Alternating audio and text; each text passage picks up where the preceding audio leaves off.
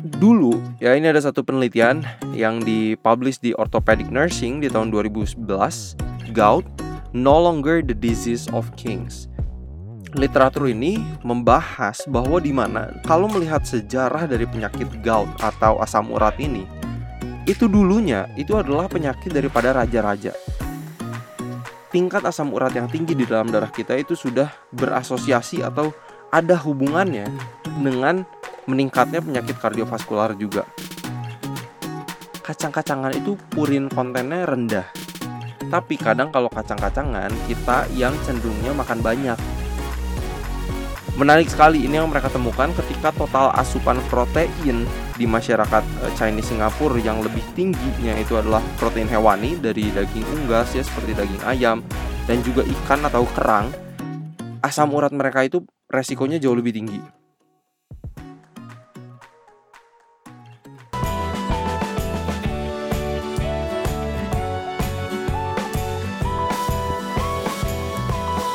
Hai, gue Willy Yonas. Selamat datang di podcast Sehat Seutuhnya. Halo semuanya, selamat datang lagi di podcast Sehat Seutuhnya bersama saya Willy Yonas. Di episode podcast kali ini kita bakal ngomongin salah satu topik yang ternyata kita udah dapat banyak request. Yaitu adalah untuk ngomongin apakah ada hubungannya plant-based diet dengan meningkatkan resiko terkenanya asam urat.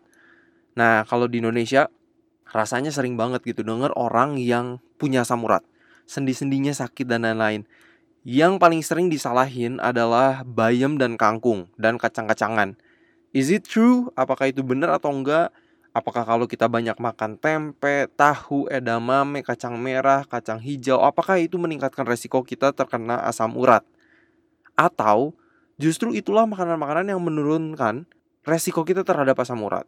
So, kita bakal dig into the science ya. Kita bukan ngomongin um, sesuatu yang adalah mitos atau nggak ada fakta ilmiahnya. Saya di sini akan membagikan fakta-fakta ilmiah hubungan plant-based diet dengan asam urat. Oke, okay, let's begin. Salah satu ciri-ciri ketika orang memiliki asam urat yang tinggi, eh, biasanya orang-orang komplain sendi-sendi tangannya menjadi kaku, ya susah digerakkan, ada rasa nyeri. Uh, itu terjadi ketika asam urat itu sudah mengkristal ya di sendi-sendi. Jadi itu makanya makanya jadi sakit gitu. Atau nggak sendi-sendinya jadi merah ya. Itu salah satu ciri-ciri yang paling sering.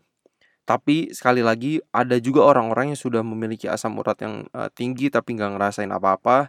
Sekali lagi inilah pentingnya untuk cek kesehatan rutin berkala ya setahun minimal sekali dua kali it's good. Um, untuk selalu ngetes ya lihat asam urat kita uh, levelnya ada di mana supaya kita tahu dan kita lebih aware. Jangan takut untuk ngetes kesehatan oke? Okay? nah ini sebenarnya cukup menarik ya. Dulu ya ini ada satu penelitian yang dipublish di Orthopedic Nursing di tahun 2011 ya ini menarik banget. Judul dari uh, literaturnya juga ini adalah gout no longer the disease of kings. Jadi literatur ini membahas bahwa di mana kalau melihat sejarah dari penyakit gout atau asam urat ini itu dulunya itu adalah penyakit daripada raja-raja. Ketika raja-raja ini yang memiliki akses kepada makanan-makanan yang lebih daripada rakyat-rakyat biasa, gout atau penyakit asam urat ini ini adalah penyakit para raja. Tapi kalau kita lihat di zaman sekarang, uh, di tahun dua di tahun 2020 gitu kan. Asam urat ini udah bukan lagi sebuah penyakit yang mewah.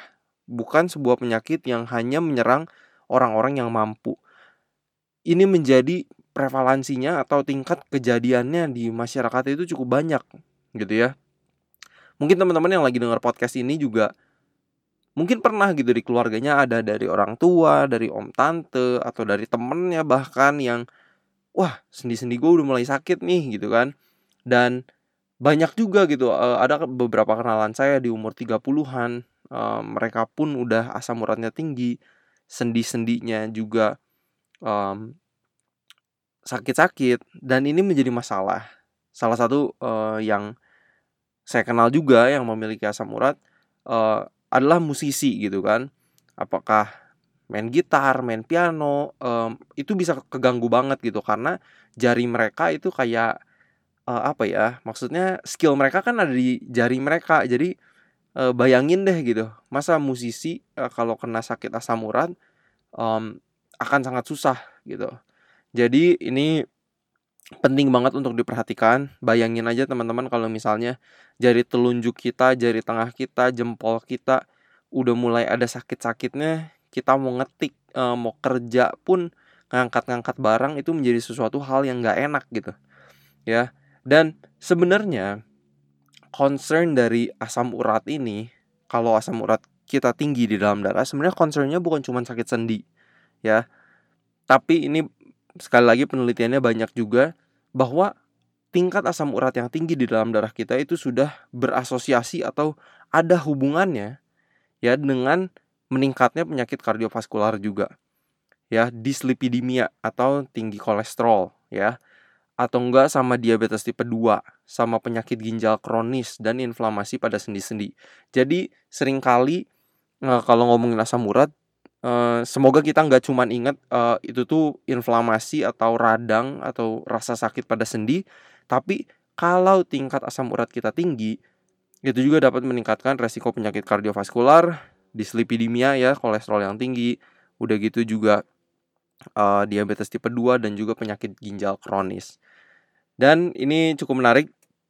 Ada satu penelitian yang mengatakan bahwa ketika ada peningkatan 1 mg per dl ya per desiliter dari asam urat di dalam darah kita ini dikaitkan dengan peningkatan resiko coronary arterial disease atau penyakit jantung itu sebesar 48%. Jadi sekali lagi tingkat asam urat itu penting untuk diperhatikan karena resikonya bukan hanya inflamasi pada sendi-sendi tapi juga kepada penyakit-penyakit seperti penyakit jantung. Ya, menarik sekali. Semoga ini juga Mungkin ini informasi yang baru dan saya harap uh, kita semua bisa belajar bareng ya di podcast kali ini. Oke, sebenarnya berapa sih tingkat asam urat yang aman di dalam darah? Ini adalah untuk wanita itu di antara 2,4 sampai 6. Untuk pria itu 3,4 sampai 7. Ya, nanti dilihat juga kalau teman-teman lagi tes darah ada nggak yang dibintangin gitu? Asam uratnya dibintangin nggak? Nanti dilihat hasilnya berapa. Sekali lagi perempuan antara 2,4 sampai 6 itu yang bagus. Untuk pria 3,4 sampai 7 nah pertanyaannya nih. Asam urat itu sebenarnya bisa kita temukan di makanan gak sih dan jawabannya sebenarnya enggak asam urat ini adalah suatu senyawa hasil dari pencernaan purin ya yang terdapat dalam makanan. Jadi yang ada di makanan itu adalah purin. Ketika kita makan eh, makanan yang ada purinnya, ya, ketika tubuh kita cerna, salah satu senyawa hasil dari pencernaan purin ini adalah asam urat, ya. Nah, asam urat ini biasanya disaring di ginjal lalu dibuang ketika kita buang air kecil. Jadi di makanan itu nggak ada asam urat, yang ada itu purin. Nah, asam urat kita bisa naik ya jadi kebanyakan ketika asupan purin kita pun banyak banget. Oke. Ini ada salah satu fakta yang uh, cukup menarik menurut saya. Ya. Ini dari salah satu jurnal di Indonesia ya dari jurnal ilmiah mahasiswa kesehatan masyarakat di tahun 2018 ini yang saya temukan. Ternyata ini cukup menarik tubuh kita itu sudah menyediakan sekitar 85% senyawa purin untuk kebutuhan setiap hari. Jadi tubuh kita itu udah bisa bikin purin sendiri 85% eh, yang kita butuhkan.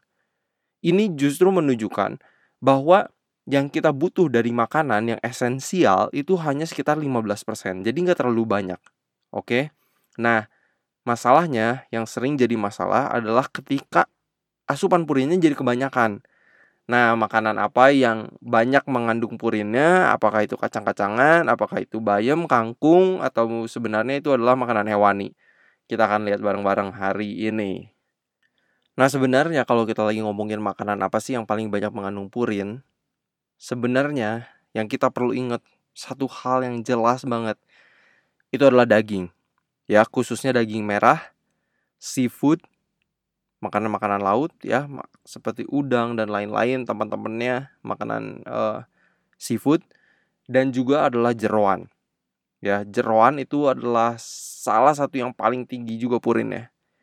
So sebenarnya yang purinnya tinggi itu adalah daging-dagingan. Nah sering kali tapi orang tuh nyalain bayam kangkung ini yang bikin apa ya maksudnya bikin saya gemes kadang.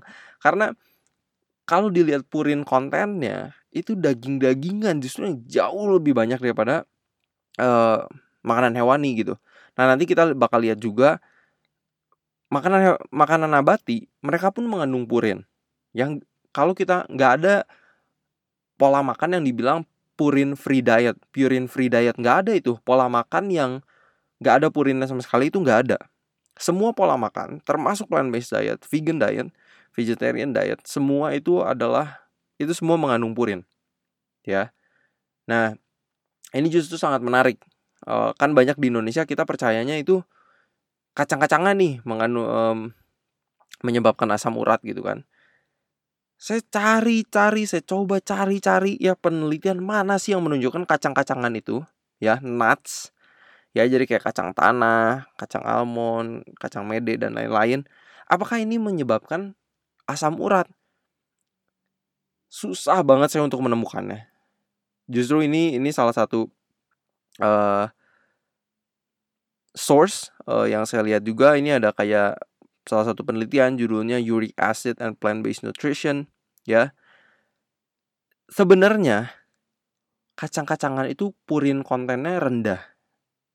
Tapi ini yang perlu kita ingat, tapi kadang kalau kacang-kacangan kita yang cenderungnya makan banyak. Gitu kan sambil nonton bola sambil ngobrol sambil nonton bulu tangkis kita akhirnya jadi makan kacangnya banyak banget gitu kan. Kita nggak sadar sambil ngobrol sambil ngupas ngupas ngupas ya kan kacang tanah kebanyakan. Nah sebenarnya kayak uh, nuts ya kalau kita ngomongin nuts kacang mede kacang almond um, seeds juga ya biji bunga matahari pumpkin seeds dan lain-lain sebenarnya yang disarankan itu adalah sekitar 1 sampai 2 handful tangan per hari. Jadi nggak kebanyakan. Di sini bukan kita ngomongin makan kacang-kacangan satu toples gitu, enggak.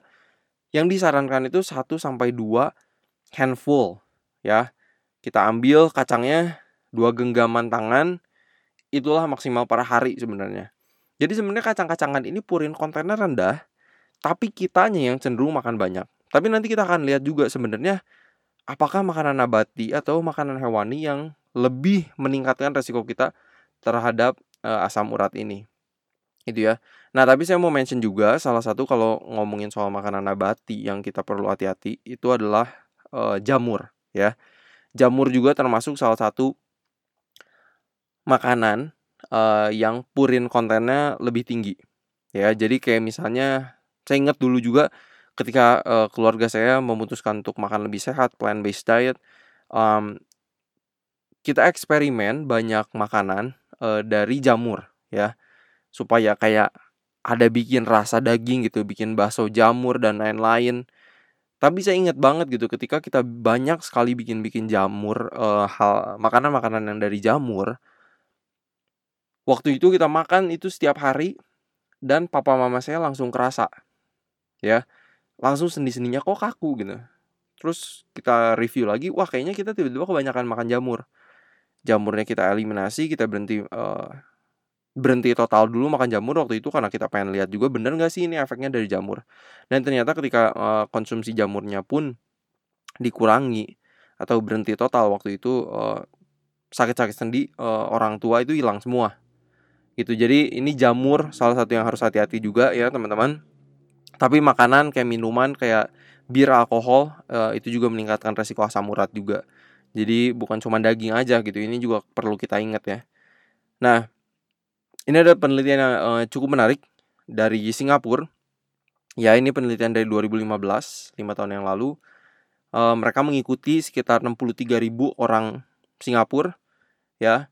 Uh, khususnya orang uh, Chinese Singapura. Jadi karena di Singapura juga kan banyak ya etisnya, banyak orang India juga, tapi ini mereka uh, menelitinya di orang uh, Chinese Singapura. Dan Menarik sekali ini yang mereka temukan ketika total asupan protein di masyarakat Chinese Singapura yang lebih tingginya itu adalah protein hewani dari daging unggas ya seperti daging ayam dan juga ikan atau kerang.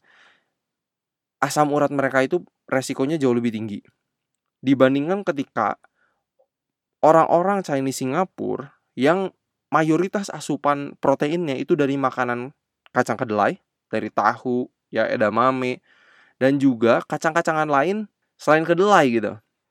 Itu sudah menjadi salah satu fakta yang cukup menarik gitu. Justru orang-orang yang protein asupan protein hewaninya justru lebih banyak dari hewani itu lebih beresikonya lebih tinggi dibandingkan dengan orang-orang yang asupan proteinnya dari kedelai dan juga kacang-kacangan nabati yang lain.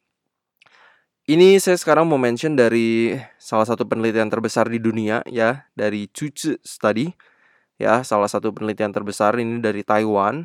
Mereka melihat orang-orang yang vegetarian dan juga vegan dan non-vegetarian ya di penelitian ini mereka melihat vegetarian dan vegan itu tingkat asam uratnya lebih rendah dibandingkan dengan orang-orang yang non-vegetarian.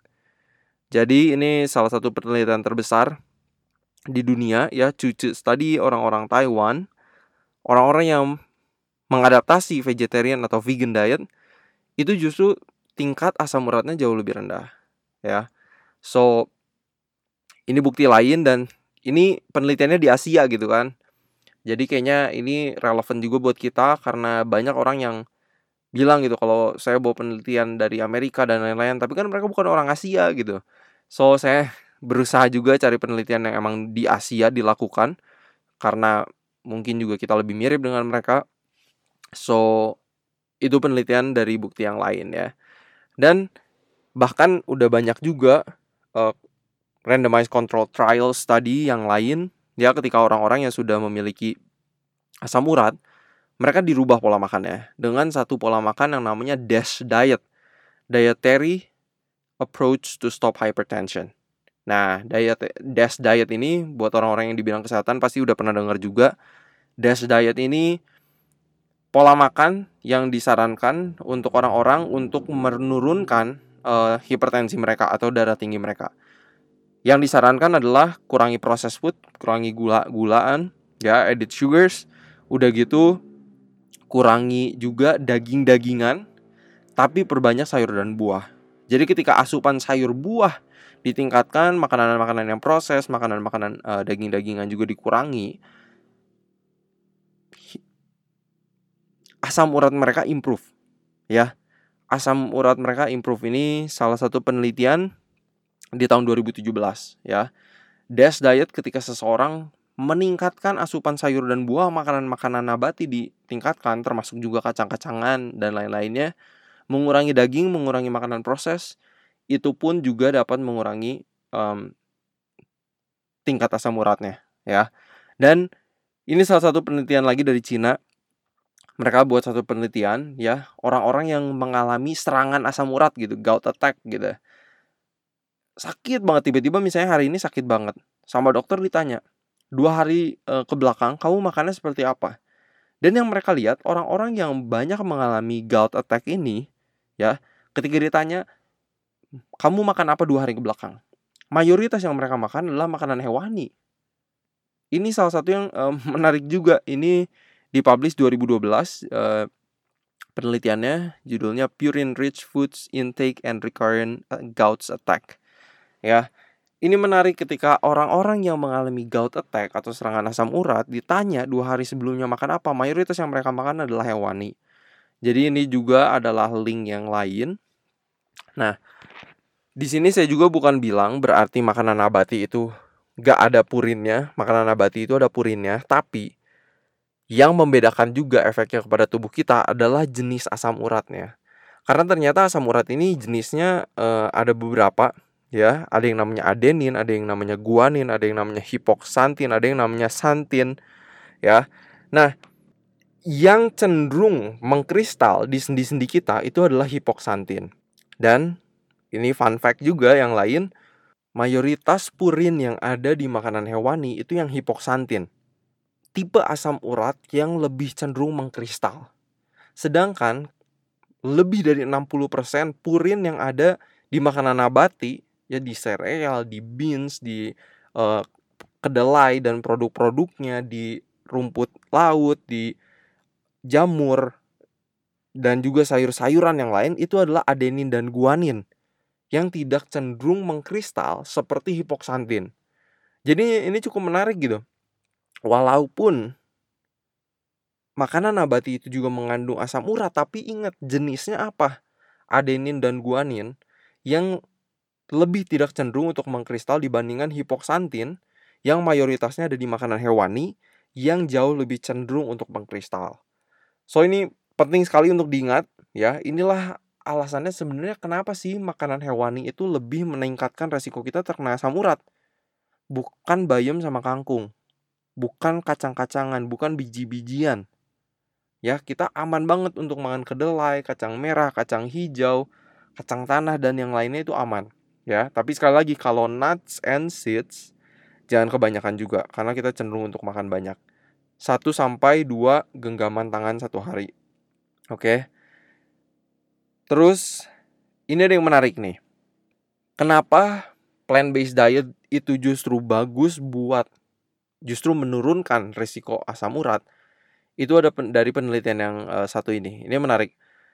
Jadi ya segrup orang mereka dibagi menjadi dua grup. Oke. Yang satu dikasih alkaline diet ya pola makan yang membuat darah mereka itu menjadi sifatnya alkalin. Tapi grup satu lagi itu adalah orang-orang yang diberi makanan acidic diet. Pola makan yang membuat darah mereka itu menjadi cenderung lebih asidik atau asam. Oke. Nah, makanan yang membuat darah menjadi lebih alkalin adalah makanan-makanan nabati. Ya, di sini disebutkan mayoritas makanannya adalah makanan eh, nabati white rice, ya, rye bread, pasta, uh, tofu, ya. Terus ada juga soy soybeans aslinya juga, ada wortel, sayur-sayuran banyak banget macamnya yang lain. Uh, ini ada saya catatannya di sini dari penelitiannya. Tapi kalau orang-orang yang di acidic diet, ya pola makan yang membuat darah mereka itu lebih asam, itu daging semua hampir mayoritas daging. Ada uh, pork ada ba daging babi ada daging ayam ada cumi-cumi ada telur ada keju dan banyak yang lainnya oke? Nah ini yang menarik yang mereka lihat. Pada orang-orang yang mengkonsumsinya alkaline diet atau aka plant based diet gitu kan oke satu tingkat asam urat di dalam dalam mereka itu lebih rendah. Ya, di sini 4,3, di yang acidic diet itu 4,9. Oke, itu secara statistik ini signifikan. Udah gitu, yang menarik, tingkat asam urat yang keluar dari air seni mereka atau ketika mereka buang air kecil di tes juga, asam urat yang lebih banyak keluar itu adalah di kelompok yang mengkonsumsi alkaline diet atau plant based diet. Jadi apa? Walaupun di plant based diet juga banyak purinnya, ya kita tidak me, nggak menutup mata juga kalau purinnya banyak juga, ya. Tapi banyak juga yang dibuang. Sedangkan kelompok orang yang makannya acidic diet udah di dagingnya banyak, lebih banyak purinnya, yang hipoksantin lagi kan, yang keluar dari urin mereka itu jauh lebih rendah ketimbang ketika seseorang makan alkaline diet. Ini penting banget karena banyak yang masuk tapi ternyata sedikit yang dibuang kalau kita banyak makan daging-dagingan. Ketika kita makan plant-based diet, walaupun purinnya juga ada, tapi ternyata banyak juga yang keluar dari air seni. Ini menarik banget gak sih kayak, wow, this is mind blowing honestly uh, buat saya sendiri. There are too many benefits of eating plant-based diet. Jadi saya harap bener jangan takut. Don't worry about kangkung bayam. Kita juga kalau sekalinya makan kangkung bayam kan gak banyak banget. Ya, justru kita we should have more concern kalau kita makan daging. Ya, terutama kalau ngomongin asam urat itu jeroan, daging merah, seafood, itulah makanan-makanan yang tinggi akan asam urat, ya. So, hati-hati banget, hati-hati banget. Dan ternyata ini ada satu yang menarik juga yang jarang um, teringat oleh orang atau mungkin uh, jarang dimention bahwa sebenarnya kalau ngomongin asam urat kita nggak bisa cuma ngomong daging-dagingan. Tapi juga seperti yang saya mention ada bir alkohol itu juga meningkatkan resiko kita. Tapi yang lain lagi itu adalah minuman manis.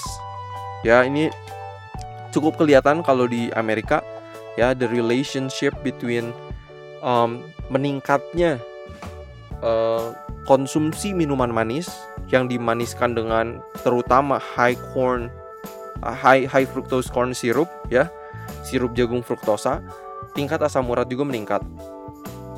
Ini jelas banget uh, banyak teman-teman kalau mau Google penelitiannya juga banyak banget hubungan antara minuman manis dengan juga uh, asam urat. Jadi buat orang-orang yang kita yang mau of course mencegah asam urat, hindari juga jauhi minum-minuman yang berperisa ya gula yang ada gula tambahannya terutama sirup jagung uh, fruktosa itu paling bagus minum air putih. That's the best drink for us human being. Itu paling bagus banget. Um, cari minuman yang bening ya kan, warnanya yang bening. Itu the best. Itu the best sih. Jadi teman-teman semoga informasi yang saya udah bagiin ini membuka wawasan ya. Semoga ini bisa di-share juga ke teman-teman yang lain. Pasti banyak banget juga yang lain yang nanya Bukannya plant-based diet itu justru meningkatkan asam urat. Tapi mungkin fakta-fakta yang sudah dibagikan ini boleh membuka wawasan kita lagi, membuka wawasan teman-teman yang lain. Sekali lagi sebenarnya satu pola makan plant-based diet itu bisa buat semua penyakit, ya kan? Bisa buat mencegah, bisa buat uh, mengalahkan sebuah penyakit juga gitu. Apakah itu heart disease, apakah itu diabetes, apakah itu hypertension, apakah itu preventing cancer atau fight cancer is the same diet. It's a plant-based diet. Jadi one diet for all diseases. Paling keren gak sih? Paling bisa mencegah asam urat juga. So, jangan takut untuk makan tahu, tempe, dan lain-lain. Tapi again, be mindful sama nuts and seeds. Jangan terlalu banyak. 1-2 genggam tangan satu hari. That's the best ya. Karena mungkin nanti di lain uh, podcast bakal ngomongin juga benefits dari uh, makan nuts and seeds. Banyak banget bagus buat otak ya. Nyambung juga sama longevity dari salah satu penelitian terbesar terbesar Predimed Study tentang Mediterranean diet dan lain-lain. Menarik banget. So dan harapan saya seperti biasa semoga kita sehat seutuhnya